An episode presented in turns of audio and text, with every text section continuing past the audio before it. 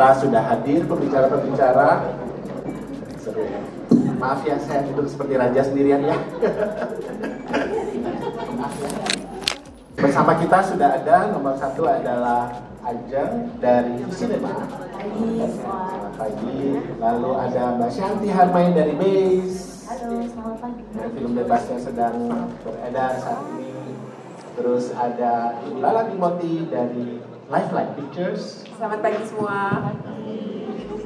Dan ada Bapak Robert Roni dari Legacy Pictures. Benar ya? Selamat pagi. Saya happy sekali loh karena uh, produser-produser kita tuh banyak perempuan. So, Har- Harvey Weinstein nggak bakal ada di sini ya. Kita nggak bakal ngalamin. Aman, aman, aman. Inclusivity uh, guarantee. Baik, uh, tanpa saya sendiri adalah Frey Handoyo, saya penulis skenario film-film yang mungkin kalian tidak suka ya.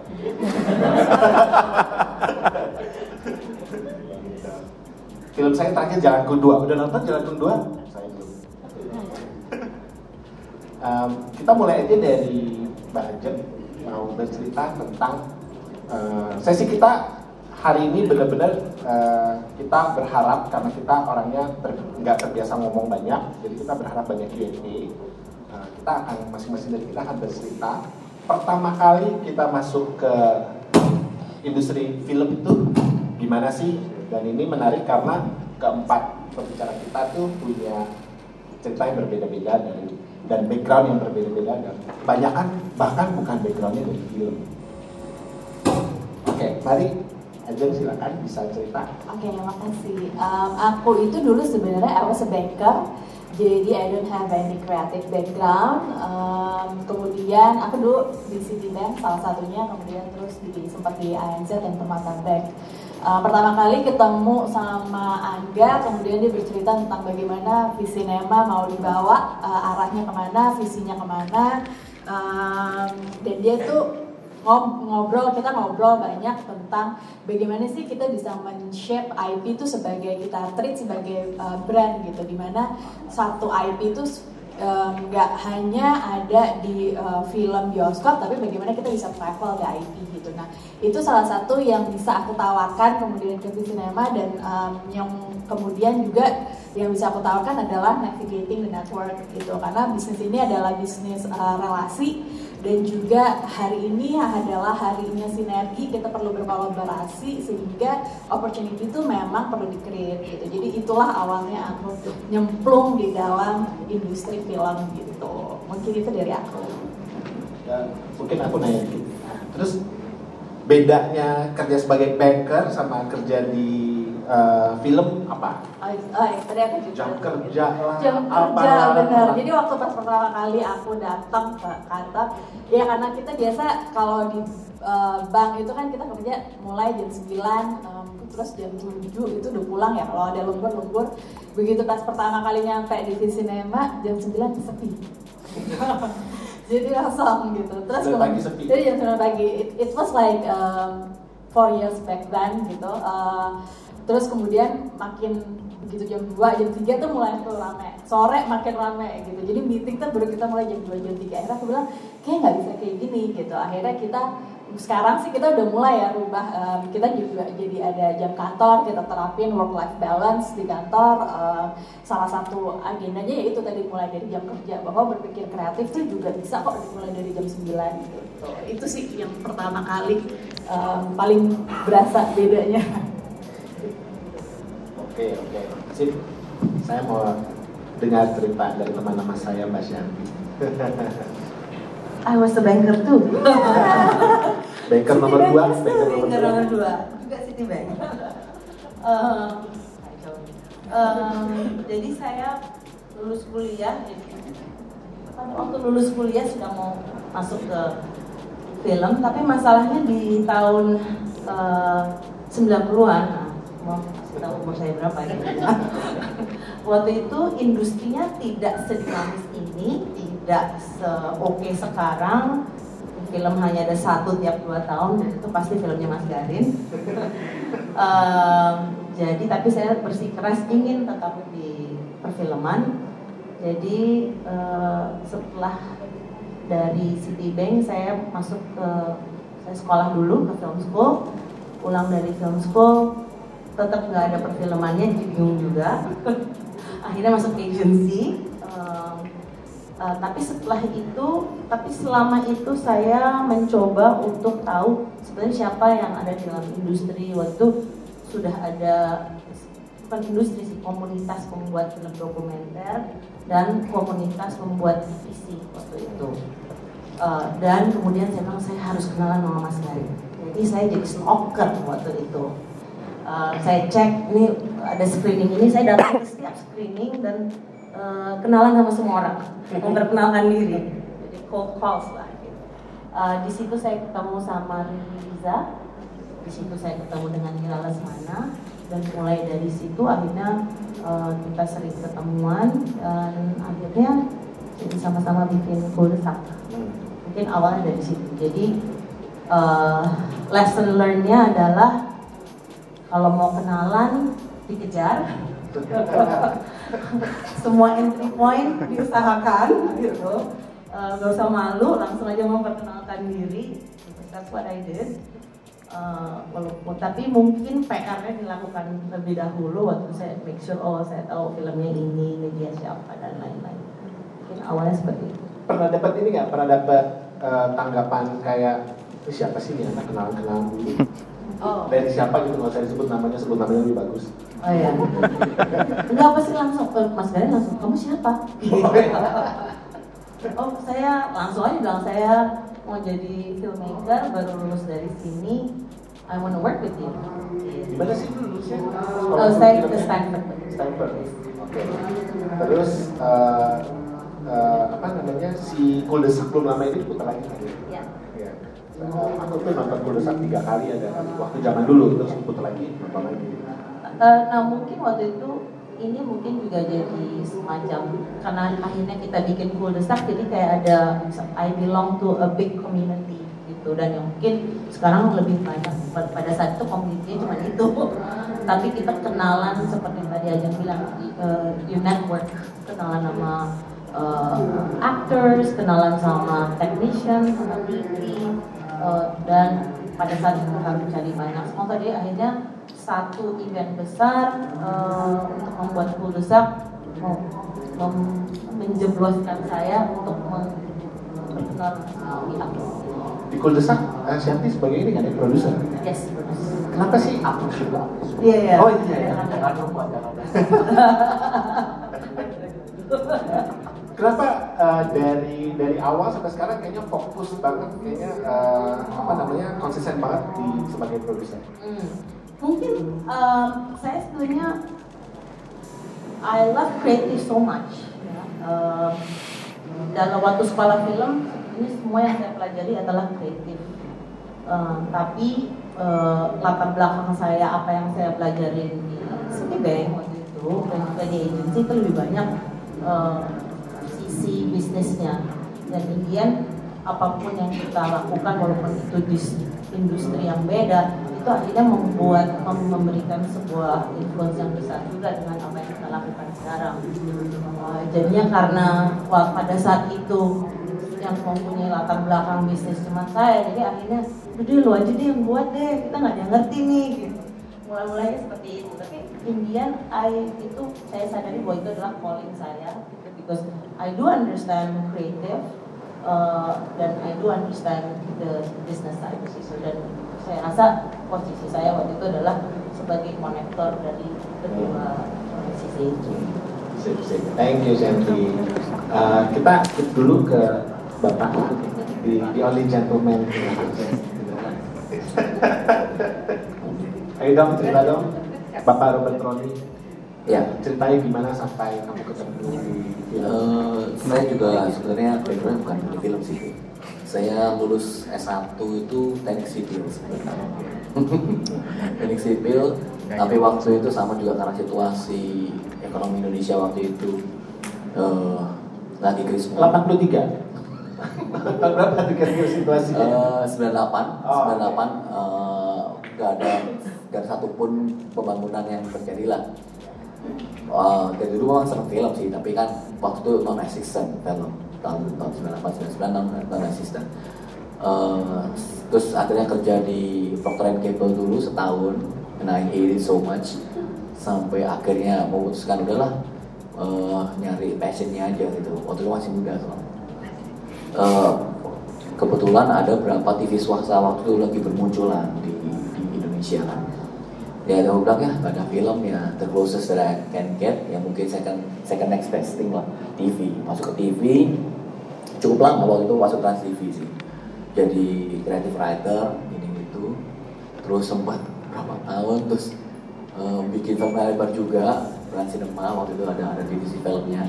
Makin yakin wah sebenarnya gak cocok nih TV lebih senangnya di film. Tapi kan ya waktu itu still setahun tuh paling dua tiga film kali ya ya zaman itu ya terus diajak pindah ke CTI itu awal-awalnya ada MNC Pictures tuh waktu itu tuh. Cita-cita besarnya ingin selalu bikin film lebar. Tapi setelah film pertamanya nggak laku langsung they have second thoughts. Udah lah bikin FTV aja. Tapi waktu itu FTV lumayan sih. FTV waktu itu ya, coba supaya, supaya perbandingan aja ya. Uh, syutingnya 14 hari pakai pakai aktor aktris yang yang notabene iyalah punya nama sutradaranya juga Anung ya kan? Rudi semua itu awalnya waktu itu kita video-video tinggi seperti itu sekarang pemain lebar aja ada yang nggak sampai 14 hari syutingnya kan?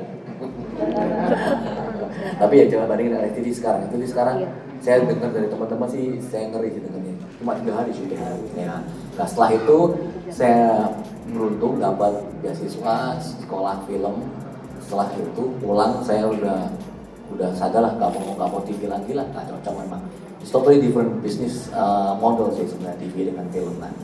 Setelah di film sempat freelance freelance terus akhirnya ketemu dengan beberapa investor yang punya visi yang cukup sama ya kita bikin legacy pictures jadi cukup konvensional lah dibanding dengan dengan ibu-ibu banker ini.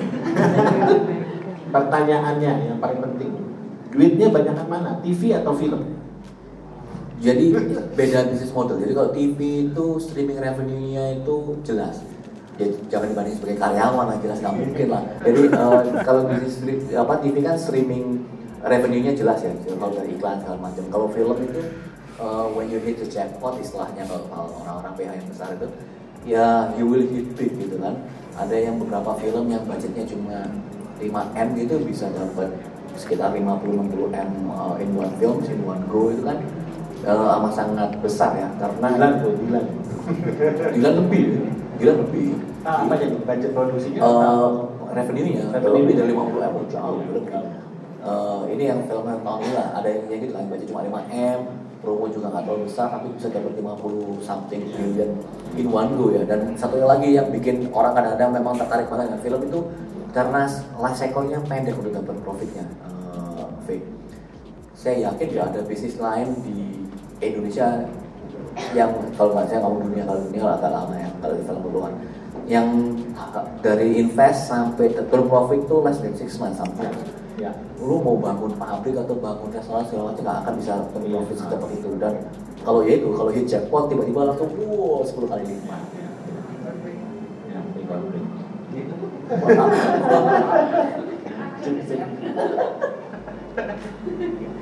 Thank you Roni. Terakhir kita akan mendengar kisahnya Mbak Dala Timothy. Iya, kalau saya eh, background saya sebenarnya agak-agak mirip-mirip sama film karena saya lahir aja bapak saya udah produser musik. Jadi bapak saya tahun 60 70-an itu produser musik eh, Remaco. Jadi zaman itu eh, hampir dibilang kayak seluruh katalog musik Indonesia pada zaman itu adalah eh, produksi dari Remaco. Karena waktu itu cuma ada tiga eh, recording company at the time. Remaco, eh, Irama, kemudian sama Lokananta gitu.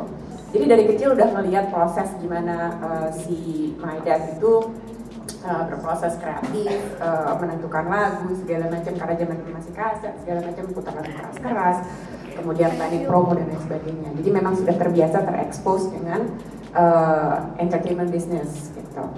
Terus kemudian uh, kuliah juga sebenarnya nggak ada urusannya sama film, kuliahnya di Trisakti ekonomi, uh, manajemen. kemudian lulus eh, nggak uh, kepingin masuk di conventional companies, jadi carinya ke agency, masuk ke agency, tapi ternyata juga emang dasarnya nggak kuat 9 to 5 gitu ya, jadi bawaannya pengen kabur dulu gitu ya, walaupun sebenarnya uh, uh, walaupun jadi account management, uh, tapi pada zaman itu tahun 90-an, ketahuan lagi umurnya, seumur, ya kan? Jadi pada zaman itu kalau misalnya account management tuh kalau misalnya ada syuting kita harus benar-benar in charge. Jadi kita benar-benar dari uh, uh, kita benar-benar brand itu kayak brand kita. Kita nentuin gimana uh, konsepnya, ideasnya, kita yang nge-brief uh, copywriter, kemudian juga sampai bikin storyboarding, sampai syuting dan sampai editing gitu. Beda sama anak-anak sekarang. Nah, kalau udah syuting seneng banget gitu. Uh, bos tungguin sampai pagi juga seneng banget gitu. Nah tapi terus kemudian setelah selesai dari uh, agency nikah kemudian harus tinggal di Singapura. Nah dari situ uh, mulailah beranak pinak. 10 tahun jadi ibu rumah tangga nah jadi pengalaman saya jadi produser selain dari pekerjaan uh, uh, pengalaman dari ayah saya tapi juga 10 tahun jadi ibu rumah tangga gitu karena memang uh, ibu rumah tangga itu juga manajemen, how to manage people, how to manage budget and all that gitu. Nah dari situ baru balik ke uh, berpikiran untuk kembali kerja. Tapi terus juga belum belum kepikiran mau masuk film sih sebenarnya gitu. Jadi mau cari-cari mau jadi ini jadi tukang ke restoran gitu, gitu kan gitu. Terus kemudian adik saya waktu itu Marsha Timothy udah uh, main film. Kemudian dia yang memperkenalkan dengan Joko Anwar waktu itu.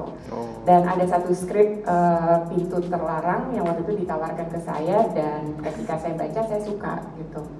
Uh, kemudian juga saya nonton film sebelumnya Joko Kala saya suka sama stylenya.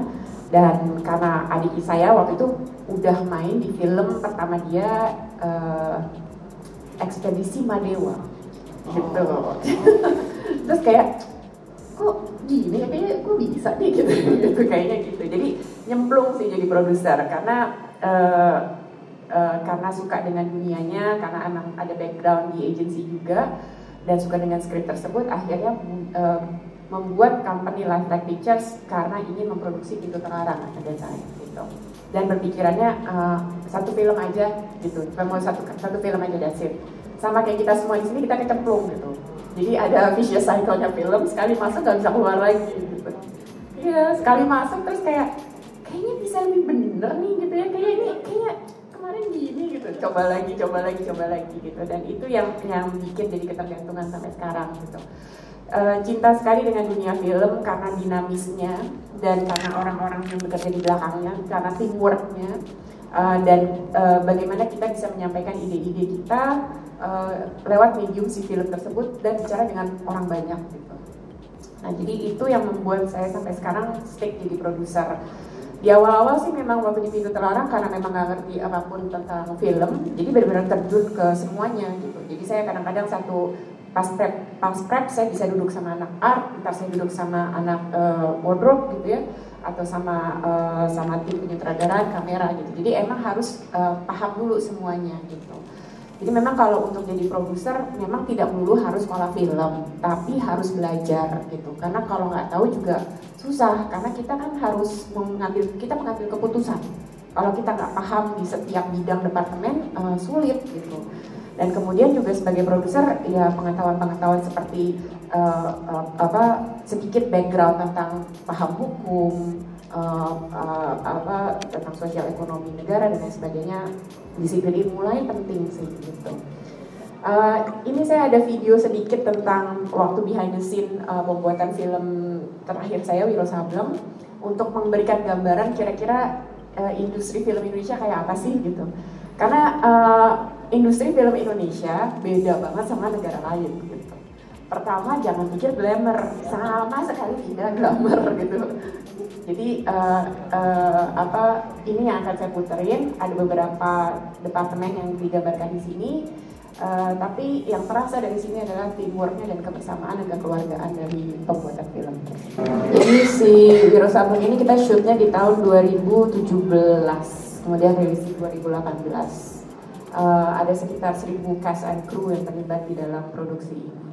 Shooting days 3 bulan tiga bulan kemudian kebanyakan outdoor Uh, uh, lokasinya juga kasih-kasih di hutan, di jurang gitu ya. Uh, jadi benar-benar kayak anak ini lah, anak hutan lah selama syuting tiga bulan itu. Ada intern nggak sih? Oh selalu, selalu. Jadi kita tuh selalu kalau bikin, uh, kayaknya di sama deh ya, di semua PH kita semua nih pasti kita membuka kesempatan magang gitu. Karena uh, sekolah film di Indonesia itu kan sangat sedikit sedikit banget. Jadi kita semua paham kita butuh regenerasi, kita butuh uh, uh, pekerja kreatif baru gitu ya. Makanya kita selalu kasih kesempatan magang untuk bisa kayak uh, shortcut untuk langsung masuk ke industri. Gitu. Oke, ide sekarang ada 10 sampai 12 intern working with us. Untuk di Uh, uh, macam-macam. Oh. Macam-macam. biasa intern dikasih tugasnya apa aja sih? Tergantung kalau di di base langsung um, ikut dengan timnya langsung immerse gitu. Biasanya sih iya. embedded. Biasanya ditanya sih dia tertarik Iya, apa gitu benar. kan. Jadi kalau dia writing ya dia masuk ke writers room.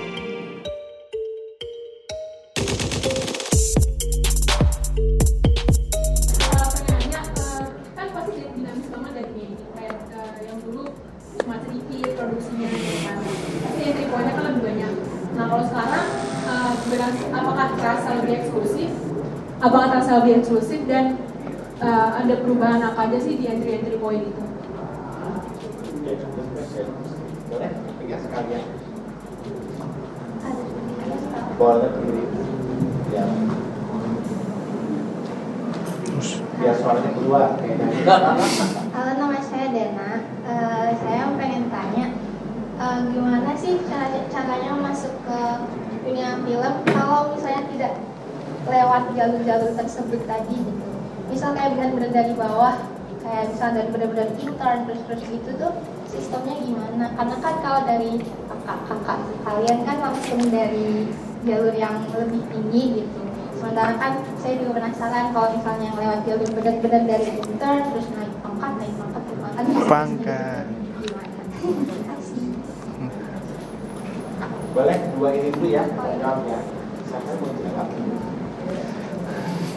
Um, sebenarnya kalau aku jawab pertanyaan yang pertama dulu ya. Sebenarnya walaupun seka- jadi gini sekarang memang sangat dinamis dan kompetisinya juga semakin uh, ketat gitu ya. Tapi yang paling menyenangkan adalah ekosistem di dalam industri film sendiri itu sudah semakin uh, terbangun sudah semakin mapan gitu. Jadi yang tadinya dulu misalnya kayak tadi dibilang uh, film Indonesia itu mungkin setahun mungkin cuma ada dua atau tiga gitu. Hari ini 40% film di bioskop itu udah film Indonesia gitu. Dan setelah itu uh, dengan sekarang mulai banyaknya ada OTT platform. Jadi jaringan ekosistemnya tuh juga sudah semakin luas. Itu sih sebenarnya yang lebih menyenangkan dari uh, industri saat, saat ini ya gitu. Kalau misalnya untuk yang tadi yang kedua terkait dengan gimana sih mulai masuknya gitu. Kalau ya aku menjawab dari sisi Visinema ya. Kalau di Visinema itu kita punya kayak Mbak Shanti tadi sudah bilang intern itu banyak em, ada sekitar 10 sampai 20 orang. Dan range-nya juga macam-macam. Ada yang di produksi ada yang di em, promotion semuanya macam-macam. Kita lihat dari interestnya juga gitu kalau misalnya memang ternyata anaknya tertarik dan apa em, potensinya kita lihat sangat bagus itu kita tidak menutup kemungkinan langsung kita hire juga gitu dan kita nurture dari dari situ gitu. Dan kita juga punya em, sistem untuk eh, nurturing the talent juga sih di dalam um, sinema gitu. Mungkin Mungkin saya saya totally agree sama Ajeng. Eh, sekarang jauh lebih eh, terstruktur, tapi tetap punya mental stock stalker ya, itu penting. Em, em, kalau di base entertainment sendiri sama, kita punya HR dan kita terbuka sama intern. Em, ada producing unit, jadi kita juga ada internship untuk tim producing. Um, kemudian ada dari segi uh, ada department development jadi mereka yang berminat untuk jadi writer uh, bisa juga intern di tempat uh, development tim kami kita juga ada writers room basically karena kita produksi uh, serial juga Uh, dan terus terang mungkin pasti semua di sini setuju bahwa dengan dinamika industri yang sangat kompetitif dan sangat dinamis ini, kita tuh sedang sangat perlu regenerasi. Jadi kita sudah sedang perlu banyak orang. Jadi kalian tidak usah khawatir. Um, semua produser sedang mencari uh, tenaga kerja dalam segala lini. Gitu. Jadi hal yang kompeten, thank you.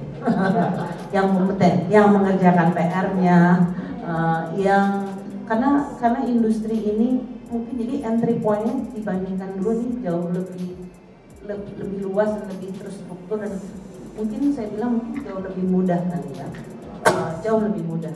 Tetapi kita sekarang ini karena berpacu dengan dinamika market yang sedang sangat tinggi jadi kita tuh sangat perlu yang kompeten atau yang mempunyai dedikasi, dedikasi penuh gitu. Jadi you need to stick it out. Ini bukan bukan tadi kita bilang kelihatan glamorous it's such a tough business. It's very competitive it's very challenging. Challenging bagi kita yang stakeholder yang run bisnisnya dan very challenging bagi semua yang akan menjadi tim kita gitu.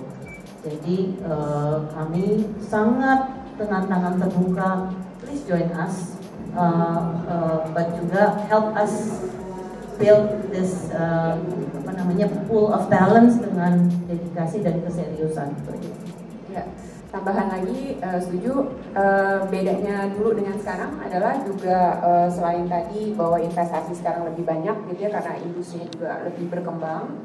Jadi kalau dibandingkan 10 tahun yang lalu ketika pintu terlarang saya mencari investasi untuk film Indonesia itu sulit sekali mencari tambahan dana dari sponsor, sponsor juga masih reluctant sekali untuk ikut Uh, sekarang ini dengan perkembangan industri yang sedemikian pesatnya dari 2008 sampai eh 2018 eh 2016 sampai 2018 naiknya itu sekitar 30% market share. Dan itu aja jadinya menambah kesempatan untuk investor yang mau invest di dalam kemudian juga sponsor yang mau ikut terlibat. Ditambah lagi tadi yang dibilang ada uh, digital platform jadi pengembalian modalnya nggak cuma dari bioskop tapi juga ada yang kayak Netflix, iFlix segala macam yang memungkinkan industrinya berkembang.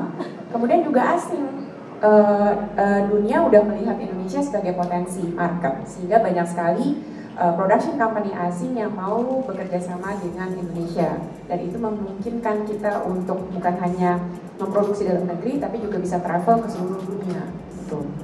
Uh, kemudian talent-talent kita juga udah banyak yang keluar di Hawaii, Taslim, udah nama Indonesia juga makin terkenal gitu ya. Uh, dan kalau pertanyaan yang kedua, tadi udah dijelasin sama uh, Mbak Ajeng sama Mbak Shanti juga, uh, tapi penting banget harus punya apa ya ha harus punya visi sih gitu. Ketika masuk ke industri film mungkin memang masih coba-coba gitu. Tapi kalau if you want to stick in the industry harus punya passion dan harus punya persistency gitu. Jadi jangan uh, ketika udah sulit terus uh, cepat mundur gitu. Karena di industri film itu penolakan dan uh, penolakan dan challenge itu tuh tiap hari makanan sehari-hari gitu gitu. Jadi kalau misalnya uh, di setiap lini gitu. Uh, mau pitching mau apa pun gitu ya pitching 10 kali itu penolakannya bisa 9 kali 9 setengah mungkin gitu dan nggak bisa uh, punya mental yang cepat putus asa, nggak bisa manja gitu. Jadi penolakan itu dijadikan uh, mungkin agak sakit ya orang film ya. Penolakan itu dijadikan kejutan gitu. Ketika ditolak, gue bisa lebih baik nih kayaknya gitu. Tapi iya masokis. Jadi memang kayak begitu sih gitu. Uh, kalau nggak punya mental itu pasti akan ambruk dan nggak akan tahan gitu. Tapi balik lagi, ketika kita punya passion di film, sulit apa pun uh, uh, kayaknya tahannya cuma kayak beberapa jam atau beberapa hari. Sesudahnya kita balik lagi ke situ karena emang passionnya di situ gitu. Jadi itu yang harus diingat terus. Namanya gitu, Jadi uh, tadi sih mbaknya bilang bahwa dulu dengan sekarang beda. Iya beda, tapi saya setuju dengan Pak Santi. Justru sekarang justru jadi lebih mudah sih sebenarnya sih. Sebagai gambarannya di Indonesia ini kurang lebih ya, yang tayang di bioskop tahun ini aja 150 film, yang diproduksi lebih banyak daripada itu jadi jelas butuh banget sih tenaga kerja. Cuma mungkin yang perlu saya luruskan juga dengan teman-teman semua yang di sini yang tertarik di background bekerja di film ya.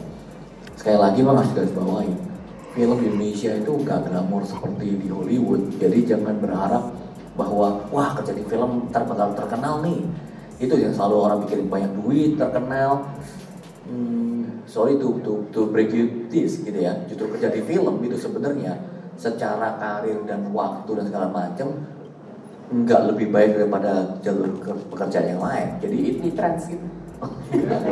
nggak di film layar lebar kita fokus dengan film lebar jadi jangan jangan merasa bahwa gue kerja di film akan jadi rich and famous. That's really wrong misconception sih. Jadi itu dulu harus digarisbawain jadi kerja di film karena memang suka ada passion dulu. Dan bener kata Lala it's not easy loh kerja di film loh Eh, saya jadi agak nggak terlalu bersimpati dengan kalau orang ngomong ah saya kerja lembur nih apa capek saya coba kerja di film gitu karena saya awal-awal dulu jadi astrada saya yakin bapak itu semua belum pernah jadi astrada capeknya minta ampun jadi astrada sih jadi Oh, asisten gitu. ngembangin kopi. Eh, tapi Produser astrada tapi golong-gulung poster oh. loh.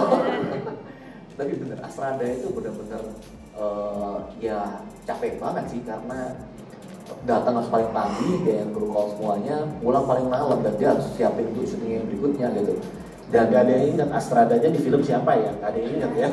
Sutradara diingat. Iya, produser apalagi, iya. Produser diingat. Pemain diingat. Astrada siapa ya? siapa nggak ada dan dan eh, kadang-kadang ya ini memang nggak bagus sih tapi you have to know this turnover di jam kerja di film Indonesia sih sadis sih bisa pulang jam 2 jam 3 gitu ya jam 7 udah keruka lagi gitu.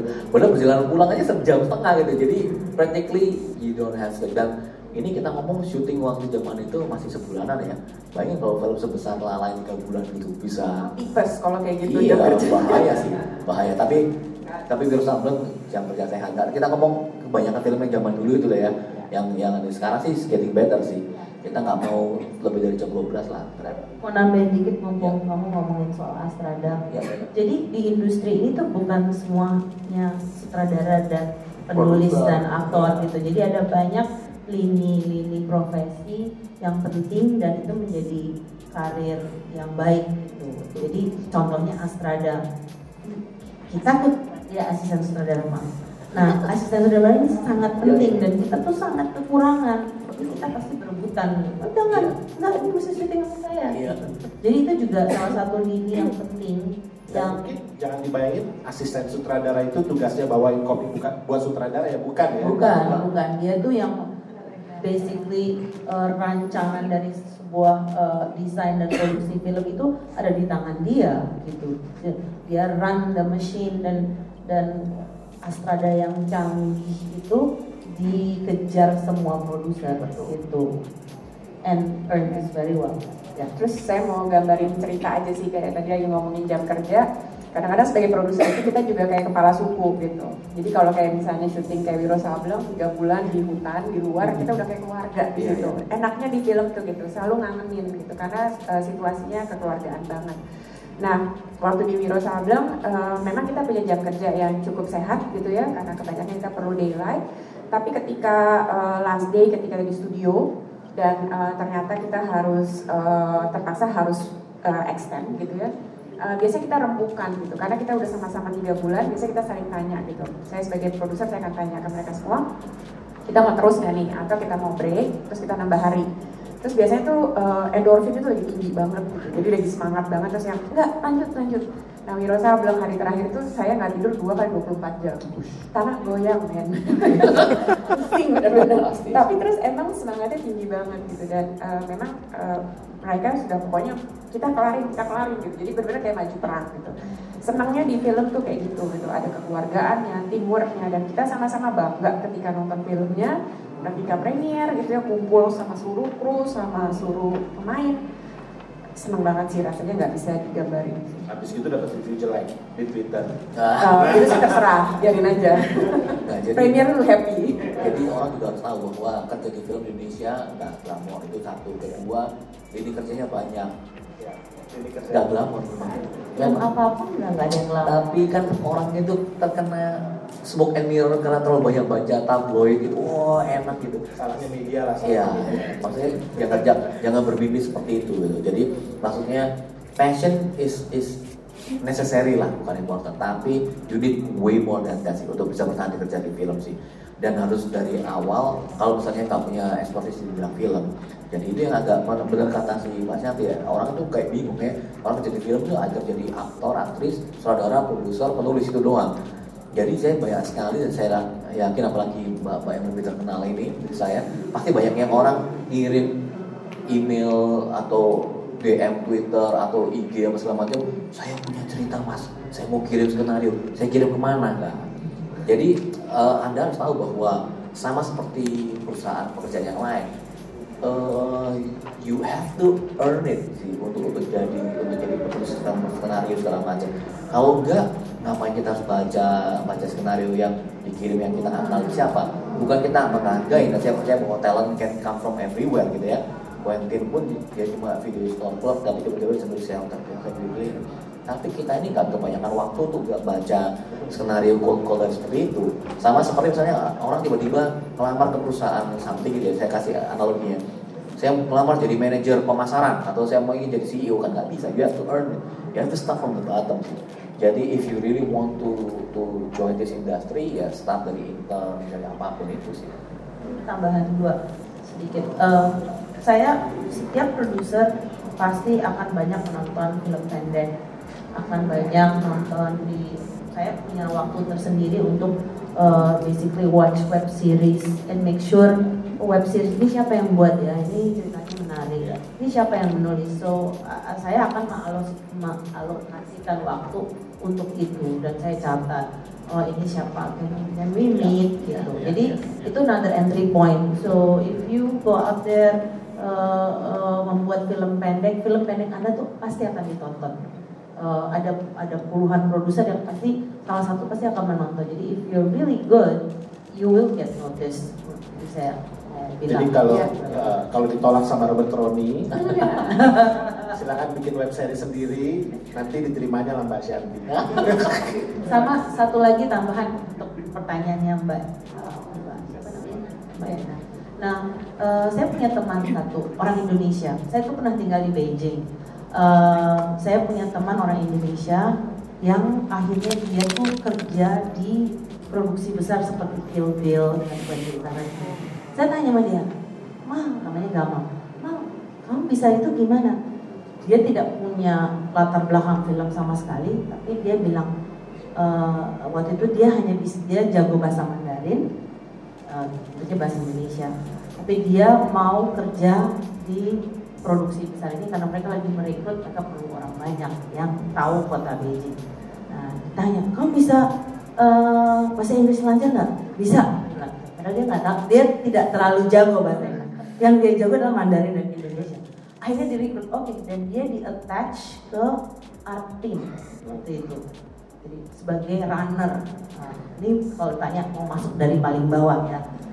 Nah, pas ditanya, udah kamu translate bahasa Inggris nih dia nggak bisa translate orangnya marah-marah tapi yaudah deh karena dia udah di hire akhirnya udah kamu ngerjain ini. Tapi because he does it so well akhirnya akhirnya dia di hire terus gitu. Akhirnya dia uh, ini ini extreme story ya uh, saya. Salut sama dia karena dia bukan orang uh, Cina tapi di di film industri di sana dari Indonesia tapi he, he made it uh, akhirnya dia kerja di Artif terus. Jadi setiap ada uh, produksi Hollywood di Beijing dia pasti ikut. Saya ketemu semua uh, line producer besar-besar yang Great Wall ya. oh kamu dari Indonesia? Kenal Kamal gitu Terus juga mau nambahin uh, apa namanya job di film selain tadi di kreatif kayak kita butuh di luar yang disebutkan tadi kita butuh editor, kita butuh sound team, uh, music, kemudian kita butuh juga uh, uh, tadi Asa ada disebutin. Uh, kita juga butuh site-site lainnya yang mendukung industri seperti misalnya publicist untuk film promosi itu kurang banget gitu ya.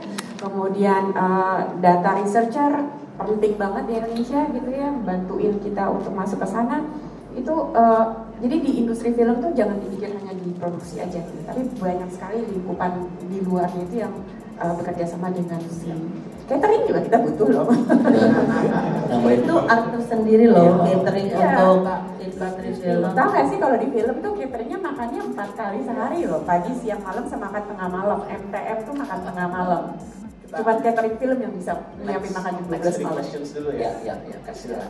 Bukan kasih emang harus. Next three questions. Tiga pertanyaan lagi yang kita paketin. Satu, ada lagi ada lagi Oh, yang curhatnya kebanyakan sih, jadi semuanya udah kejawab. Oke, satu dulu. Mengisi kekosongan. Belakangnya. Sorry lagi batuk. Halo, nama saya. Hilda. Mau nanya, eh, untuk industri film Indonesia tuh kan sekarang memang lagi berkembang. Cuma Ho- Hollywood pun sangat berkembang dan eh, industri film itu kan em, apa ya masuk pertama kalinya tuh pasti di bioskop dan ketika tayang di bioskop pasti saingan sama film Hollywood gitu ya. Gimana sih caranya supaya film Indonesia itu menarik perhatian penonton supaya orang memilih film Indonesia dibanding nonton film Hollywood yang memang budgetnya lebih besar, artisnya lebih kece gitu. Gimana caranya? Ada triknya nggak? Pengen tahu. Thank you. Satu lagi. Belakangnya.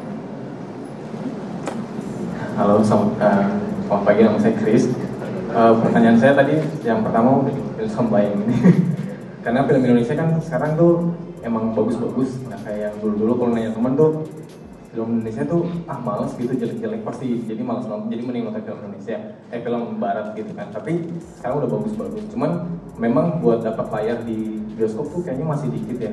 Maksudnya kayak sekarang kita film bebas tuh kan bersaing sama Joker gitu. Kadang-kadang kalau di XX1 kita lihat 1 sampai 8 tuh semuanya film Joker atau Endgame gitu. Jadi pengen nonton film Marlina kemarin nggak sempat bagian juga karena cuma dapat satu layar doang Nah pertanyaannya apakah ada program dari pemerintah gitu? Maksudnya kayak buat mendukung film Indonesia tuh biar maju gitu. Maksudnya teman-teman di sini juga pasti banyak yang film filmmaker indie gitu ya. Maksudnya kayak pengen namanya juga masuk di layar bioskop gitu.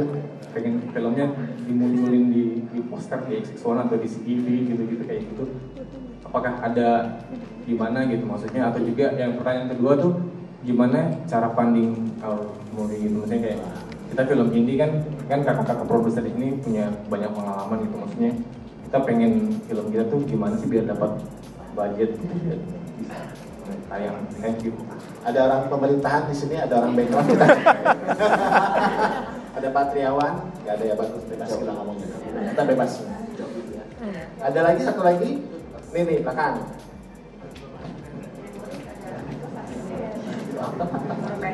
Satu persaingan, kedua funding sama eh, saingan juga kan Eh, program pemerintah. Eh, tadi sempat mention data researcher kan. Ini pengen tahu aja. Untuk film kan butuh banyak research. Terus aku juga pernah lihat misalnya orang eh, abis nonton film nih, misalnya kemarin Bumi Manusia, terus ada yang ngekritik kayak oh ini kurang tepat bajunya, ini kurang tepat ininya. Biasanya tuh kalau nyari researcher itu mencari orang atau ada timnya sendiri atau gimana ya? Eh, Oke, ya itu saja. Mbak, boleh loh melamar jadi magang bagian riset.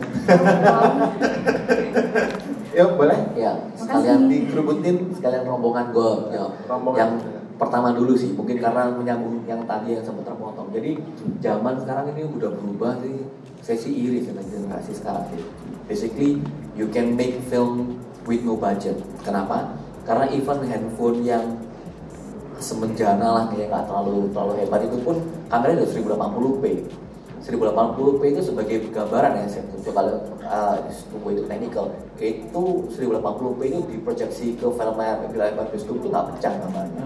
I've tried that. So jadi sebenarnya you don't really need big budget to make a content right now. Dan nggak butuh-butuh platform kenapa ada YouTube kok. Ya kan? So seperti kata Mbak Santi, as long as the the story on point, idenya kreatif segala macam, kita akan maklum sih. Kan memang web series itu misalnya atau film pendek yang untuk YouTube gitu loh. But we can spot talent sih that sih. So jadi teman-teman memang mau tanya entry point terbaik untuk film ya itu sih. Menurut kita yang paling paling oke sih. Itu yang pertama. Jadi uh, it's not easy to find funding. Karena apa? Even PH yang yang ngomong PH besar sih. Yang PH PH menengah pun nggak akan nggak gampang sih nyari funding. Apalagi yang yang independen banget gitu kan. Kecuali punya banyak teman orang kaya. Ya ya itu itu pertama dulu terus yang kedua soal research Eh, yang soal research memang benar sih kita kekurangan research akhirnya kita mencari orang research sesuai dengan bidangnya jadi bukan bukan bukan eh, internal base researcher yang di dalam kita. I don't know if, if that's a good thing, tapi that's what we do. Juga misalnya kayak Kartini gitu ya, kita bikin tim kecil sendiri, kita riset sampai ngirim orang ke Belanda segala macam karena ada berapa banyak tulisan Kartini yang memang cuma ada di Solo, nggak ada di Indonesia udah. Terus misalnya kayak Critical Eleven gitu ya, meskipun nggak penting-penting banget, tapi karena tokoh utamanya itu ceritanya insinyur perminyakan, kita hire beneran orang insinyur, insinyur perminyakan yang ngerti tentang tentang pengeboran di lepas pantai segala macam. Saya jadi lumayan ngerti gitu di Solo. Karena saya waktu itu juga jadi sutradaranya. Gimana apa aja yang harus dibutuhin tuh untuk untuk di galangan kapal, eh apa di galangan tengah pantai lepas pantai untuk pengeboran minyak itu ribetnya minta ampun. Saya jadi ngerti sih dan itu menarik bahwa meskipun nggak ceritanya nggak diceritain juga, tapi at least you know karena kita shoot in a real uh, itu kayak gitu gitu. Jadi uh, per, per per bidangnya itu. Jadi itu juga satu menariknya film sih. Jadi setiap film challenge-nya berbeda, risetnya berbeda, segala macam. Saya bahkan bikin film horor waktu itu tentang Gunung Padang aja saya kan banyak banget baca buku-buku tentang ancient alien kalau tahu. Sorry being tapi tapi ya it's necessary things itu untuk untuk untuk, untuk research. Jadi selalu perlu sih. Saya nggak tahu kalau misalnya pihak lain mungkin perlu dijawab dulu sebelum kita lompat aja. Apakah ada internal researcher? Kalau kita sih per bidang ya, tergantung topik. Iya. Eh, pertanyaan yang researcher dulu karena tadi researcher. eh, kalau ya per film sih beda-beda kebutuhannya. Kayak misalnya waktu di Tabula Rasa karena dia ada makanan, jadi kita meng-hire eh, culinary advisors. Culinary advisors ada dua yang untuk memberikan input eh, suggestion sampai di rumah makan makanan jual rumah makan kecil kira-kira di etalasenya menu makanannya apa aja kemudian juga sampai melatih si talent untuk mem- memasak gitu ya sampai juga eh, kita bersama tim researcher saya eh, director dan penulis pergi ke Padang untuk mendatangi seorang uni uni Emi yang emang jago masak rendang mempelajari dapurnya pergerakannya dia memasak dan lain sebagainya gitu. Nah, kalau untuk Wiro Sableng karena kita eh, filmnya adalah fantasi tapi menggunakan basis Nusantara, jadi production designer Adrianto Sinaga yang menjadi in charge untuk melakukan research dari eh, seluruh eh, eh, eh, budaya-budaya Indonesia pada tahun abad 18-16 yang kemudian dikombin dengan fantasinya dia menjadi bentukan eh, kostum, eh, senjata, eh, aksesoris dan lain sebagainya dari film Wiro Sableng. Uh, Banda karena dokumenter tentunya akan beda sendiri. Kita punya tim researcher di si penulis tersebut karena uh, perlu menggali cerita dan lain sebagainya. Kemudian juga bekerja sama dengan museum, sama juga kayak Roni kita sampai ke Leiden juga untuk cari tahu. Uh, untuk ya biasanya gitu sih per project. Jadi research researchnya tergantung dari kebutuhan si cerita tersebut. Uh, Mbak tadi nanya gimana uh, apa uh, persaingan dengan film Hollywood sekarang ini justru unik karena makin ke sini justru film lokal yang dicari gitu. Apalagi ketika kita bicara digital uh, platform kayak OTT dan lain sebagainya, malah malah mereka uh, ingin sekali co-production dengan lokal karena justru lokal itu yang justru mempunyai potensi besar untuk masuk ke Indonesia. Uh, contohnya kita di Wiro Sableng juga kenapa kita dapat 20th Century Fox karena mereka ingin masuk ke uh, market Indonesia. Jadi mereka mencari judul-judul yang mempunyai potensi untuk mendapatkan penonton besar di market tersebut gitu. Dan kalau ditanya persaingannya sekarang lebih mudah karena kalau dibandingin tahun lalu, tahun zaman Cianina tadi saya tanya sama Mbak Shanti mungkin cuma berapa ratus layar, sekarang udah ada 2000 layar gitu. Jadi eh, apa pie pie-nya lebih besar gitu. Jadi persaingannya juga lebih memudahkan. Eh, terus kalau yang Hollywood eh, jumlah layar tadi Roni jawab Kita, uh, Oh, bisa. sorry, Sama Mata, satu. kita cuma dikasih waktu 5 menit. Oh, oke. Jadi Ya, ya. Nanti nanti aja nggak berasa ya. Kalau curhat tuh memang begitu. Iya. Uh, three quick answer for quick question. Uh, tadi saya mau nambahkan aja bahwa sekarang di bisnis film itu local is number one. Um, jadi Hollywood itu hanya Hollywood itu hanya uh, kayaknya strateginya itu lebih kepada tentpole, jadi film-film besar yang punya cinematic universe. Um, kemudian uh, approach daripada company-company. Kita tidak hanya di Indonesia saja kita lihat uh, mau India dari dulu Cina juga even Korea. Jadi uh, fokusnya adalah pada logo. Sama seperti Balala uh, film kami berikutnya Perempuan Tanah Jahanam Joko Anwar uh, tanggal 17 main uh, boleh dong promosi. Uh, itu kami kerjasama dengan Ivanhoe Pictures produser dari Crazy Rich Asian. Jadi mereka memang sudah melihat beberapa market yang mereka anggap potensial dan fokusnya adalah logo itu satu.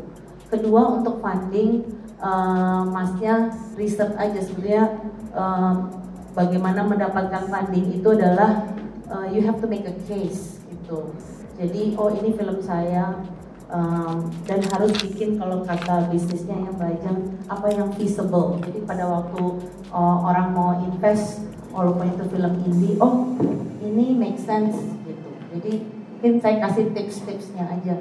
Dan sebetulnya ada banyak funding tapi jenis funding tuh beda-beda. Tergantung juga kepada filmnya jenisnya apa. Uh, mungkin mesti research kalau untuk indie uh, Hubert Boltzmann itu kita lihat film film-film sebelumnya itu film-film jenis apa yang difunding dari situ bisa kelihatan patternnya kasih tips-tips aja untuk riset sama uh, berdasarkan project terakhir saya mau bikin film The East film perang dengan 500 kru, syuting dua bulan dan koproduksi dengan Belanda. Ini mengenai era westerning.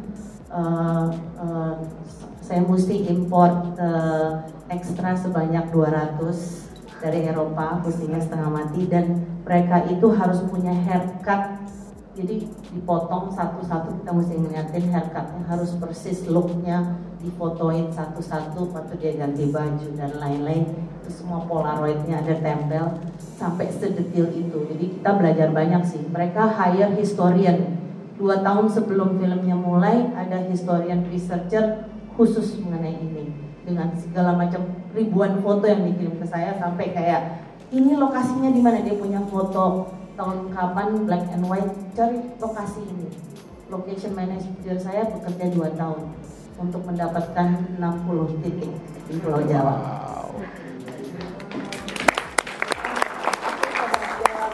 Singkat-singkatnya, uh, pertama yang paling ini yang uh, research research sama uh, kita by project biasanya. Uh, terus untuk funding funding itu sebenarnya kalau misalnya mau dieksplor sekarang uh, semakin banyak venture capital, semakin banyak yang uh, venture capital yang sudah mulai mau terjun ke film, semakin terbuka industrinya, semakin banyak um, um, apa namanya wadah untuk mencari um, uh, menemukan funding um, dari pihak fundernya sama um, production house-nya juga, jadi bisa silahkan dieksplor. Um, Kemudian untuk kompetisi tadi sama sih emang uh, lokal konten tuh sekarang memang lagi dicari uh, banyak OTT platform di luar. Even Mickey Mouse aja punya keluarin Mickey Mouse Go lokal sekarang. Di, udah keluar di YouTube tiga episode uh, ada di Vietnam ya juga ada sate. Jadi memang lokal konten yang mereka lagi cari sekarang. Setiap kali ngobrol sama OTT platform regional pun mereka juga cerita tentang Indonesia itu apa. Kalau bicara dengan uh, Indonesia market. Jadi ya um, kompetisinya sekarang juga jauh lebih menyenangkan Uh, tambahin soal, funding, oh funding bentar tambahin kalau misalnya kalau short film sih sesimpel punya uh, dari short film tersebut misi apa yang kamu mau sampaikan gitu. Jadi nggak perlu harus ke uh, venture capitalism gitu gitunya. Tapi kalau punya satu yang kamu yakin banget film ini bisa begini, kamu bisa datang ke orang-orang yang angel investor gitu, atau ke PH yang konsep dengan yang konsep dengan isu tersebut. Uh, penutupan aja cuma soal soal Hollywood. Jadi menambahin aja bahwa udah pernah melakukan riset juga sih bahwa sebenarnya bukan cuma di Indonesia tapi seluruh dunia itu. Kenapa orang lebih suka dengan konten lokal? Karena lebih dekat uh, cerita-ceritanya relatable stories lah istilahnya. Dan kita ngomong gini masyarakat pada umumnya jangan bandingkan dengan film buff yang film apa aja ditonton yang sudah dianalisa we're talking about common people yang itu cerita-cerita lama itu lebih dekat di hati sih. Dan is proven all around the world. Bukan cuma di Indonesia doang. Nah problem terbesar uh, kita justru bukan bukannya cuma Hollywood tapi stigma bahwa film Indonesia masih jelek itu masih ada di beberapa beberapa kalangan tertentu lah. Yang masih belum pernah nonton film Indonesia satupun di bioskop. Itu yang harus kita lawan sih. Dan it's not helping karena masih ada beberapa film-film Indonesia yang menurut saya nggak layak tayang film layar lebar.